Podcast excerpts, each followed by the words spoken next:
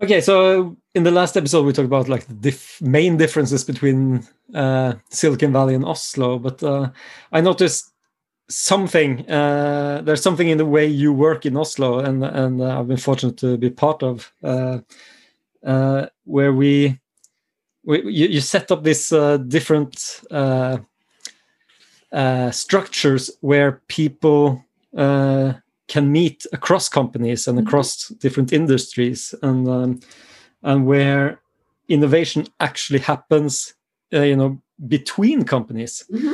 and uh, and to me that also feels very natural but I, as i learn more and more about how you know norwegian corporations work and and how startups even work that's that's still a, a fairly un-norwegian idea that you mm-hmm. meet and talk openly about ideas and you don't think that much about where you're actually working right now and how that can benefit your company right now. Mm-hmm. Uh, so I don't have a word for it. For it, it's, it's like this ecosystem innovation or innovation in partnership, um, and uh, yeah, do, do you have a word for that? it, well, I, I would say that Silicon Valley is really one big ecosystem. Mm-hmm. where all of the pieces fit together to create something positive.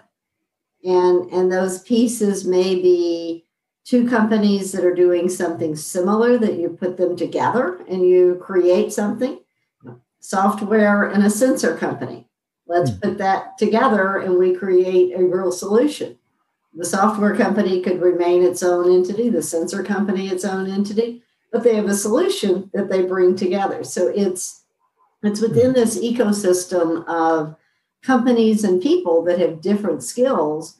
When you add them together, and I call that simply collaboration. Yeah. When two companies that have a similar solution, or a company that has solution A and a company that has solution B that complement each other, mm-hmm. and they work together to provide something to the end customer. That's just natural in the way that that we work. Yeah. And you, you mentioned that you know uh, highly skilled uh, and highly paid uh, workers they flow more or less freely between these companies.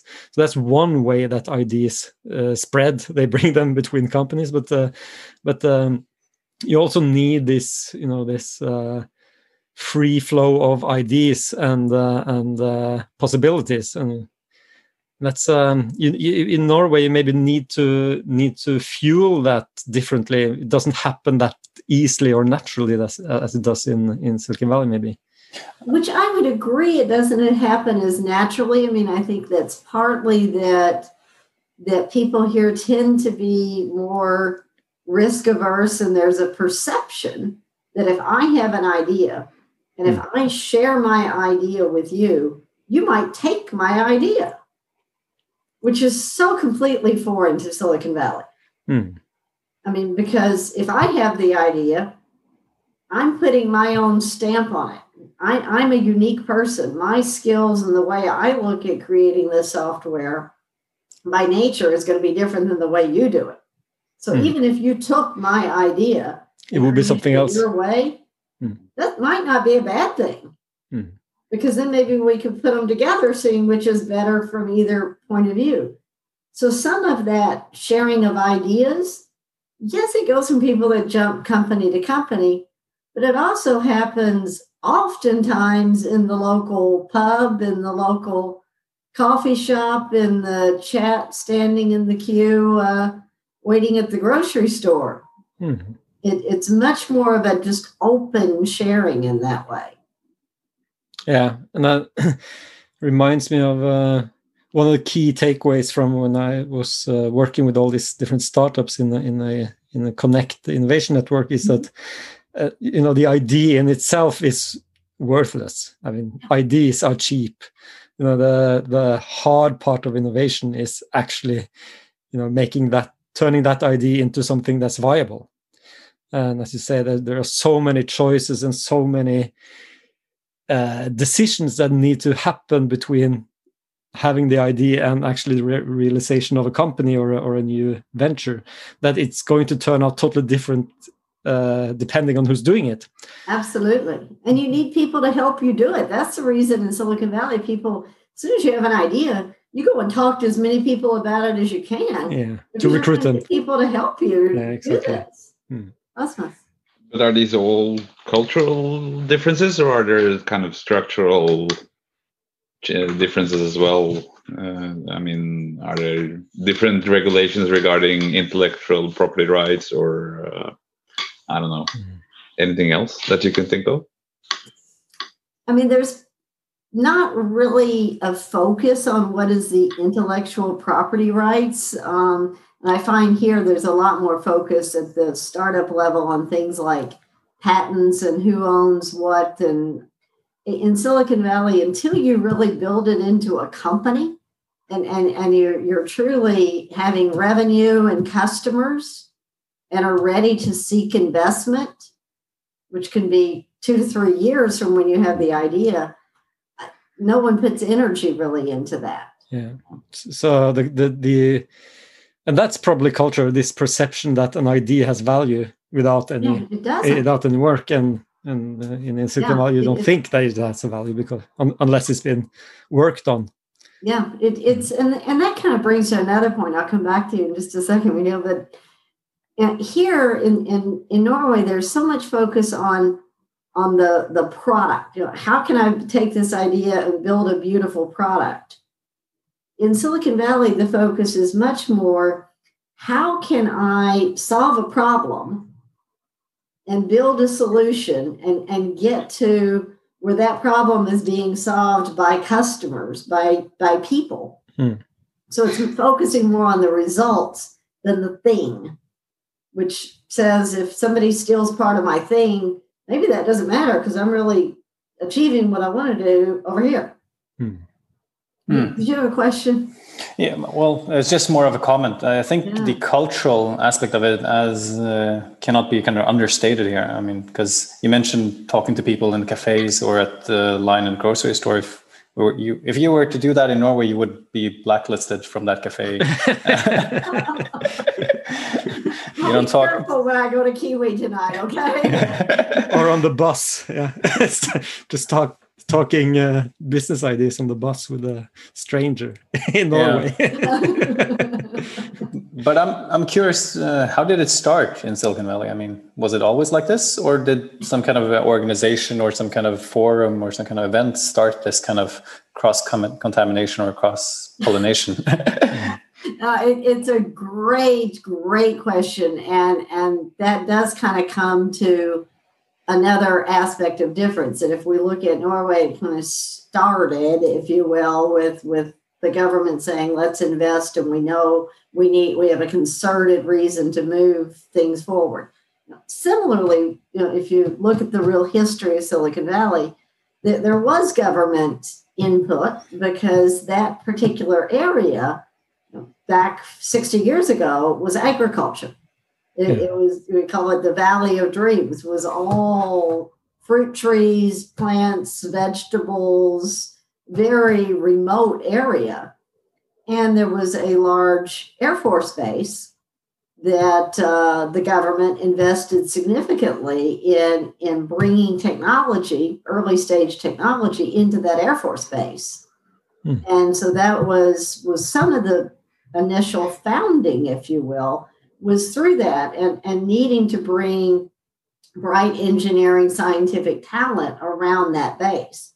And there was also Stanford, which was very near to where the the the Lockheed and, and Lockheed Martin area is. There was Stanford that was also attracting these people. So the hmm. university, the Air Force Base, that began to attract people that were scientific minded. And, and some of the original founders, if you will, of silicon in the Silicon Valley goes back to William Shockley that, that moved from the East Coast to the Silicon Valley area in order to take a risk to bring together a whole new set of ideas around what he believed would be the next wave of growth semiconductors. Hmm. And, and so, from that first person that came out, that led to a team that then grew People got upset with each other. They spun off. All eight of them went in different directions to form Fairchild and a lot of the bases. So it kind of grew organically from those first seeds. Now that's going back in the 1950s and 1960s. And it's evolved a lot since then. And I guess this is all enhanced now by people continuously moving in to Silicon Valley from all over the world, lacking a social network and yep. actually uh, needing to talk to uh, strangers to get to know them, while uh, while things are more uh, at least more set here in Norway. That, that's I love the way you describe that. It uh, and it, it is just a constantly dynamic process of people moving in, bringing their ideas, open to recognizing they need to rely on others. And, and as you said, they, they don't have that social network. So the only way you're going to be able to get people to help you build your business is talk to them mm-hmm. and reach out to people you know and talk to more and more. And that's uh, that trans uh, to bring a little bit back to that openness and that uh, collaboration and the collaborative spirit, because now uh, some of the largest companies in the world are there. Mm-hmm. And uh, I've been fortunate to help some Norwegian startups visit Silicon Valley and try to find partnerships with different uh, with some of these large corporations. Mm-hmm. And uh, and you've also been helpful uh, with that. And to my experience, they, you know, it's sort of easy to get a meeting with even these large companies. You know, you want to talk to Facebook as a as a five person startup, you can and you can come with them with bring bring some really important business ideas to them and they'll listen to you and spend time and giving you advice or even start uh, working together. So is that is that correct uh, perception? Yeah it, it it is. I mean i think because again every every one of us is from somewhere else so we recognize that that need to look at things differently. And there is an appetite to get different perspectives Hmm. Because even if a startup is is in a different field, that company may have some insight that would be useful to a Facebook or to an Apple or to a Cisco. And and it's recognized that yes, there, there may be some areas of overlap, there may be some borders, and even among the big companies. I mean, there, there's absolutely very much competition between a Apple and a Google and a Microsoft and and a um, Facebook, but it's recognized as well that that we all play a role, mm-hmm. and the role that we play when we add it all up is really changing society and making it better for people to to live in a new world. So we keep that bigger vision ahead, which is what leads to what what we call cooperation yeah. There's places or, or frenemies. Yeah, exactly. that there are times when Google and Apple recognize they need to let down their sabers and, and work together hmm. around data privacy regulations and other things because it serves them best to work together and collaborate. I have a couple of I, have I've I've used I've done this uh, between different companies I've been working with or in, where you know when you it gets down to something as practical as drawing up a shared customer journey. Mm. I mean, mm. you, you can have two companies sitting down and saying, okay, so what's our what's our shared customer journey? You know, the customer doesn't care which company is doing what, but you know, he has these things to be done, these jobs to be done, these uh, uh, these needs um, and these pains, and in that customer journey. Sometimes it relates to us sometimes it relates to you. Should we together make that customer journey easier? And then suddenly you have a, a you know a blueprint of a service blueprint or something of something you can do together as a joint uh, effort. Yeah, in fact that reminds me of a few years ago as the executive growth alliance was starting out. Yes. when you were in a large company trying to figure out how can we get people to use our app Yep. And we had a executive growth forum, and another company was there saying the same thing. Well, we need the same person to use our app. Mm-hmm. And, and uh, we found the shared customer journey. Uh, these are two huge companies, but in totally unrelated fields. But the customer journey is simple, and uh, and there's obviously something we could do together. And we actually got it started, so that's uh, not going too much detail into that. But I mean, you don't know where that kind of innovation can come from unless you sit down with some uh, someone. Uh, that, that's exactly, and that's what I, I recall both of you saying. Well, you know, we've talked about yeah. doing this. You know, when I've been sitting in my little chair and he's been sitting in his little chair. Now that we're in a room together with others and brainstorming this out openly hmm. in a private, confidential way, it led to more progress in a few months than you'd made in a few years in your hmm. own environment thinking you know we should maybe work with that guy over there exactly hmm. exactly cool so uh, um, how would you summarize this because um, what is your kind of a, a message to Norwegian companies? Collaborate more? Absolutely, absolutely. To let go of the fear of somebody is going to steal your idea or your product, because ultimately, the company that is successful and the startup that's successful, they're looking out to how are we going to serve the customer.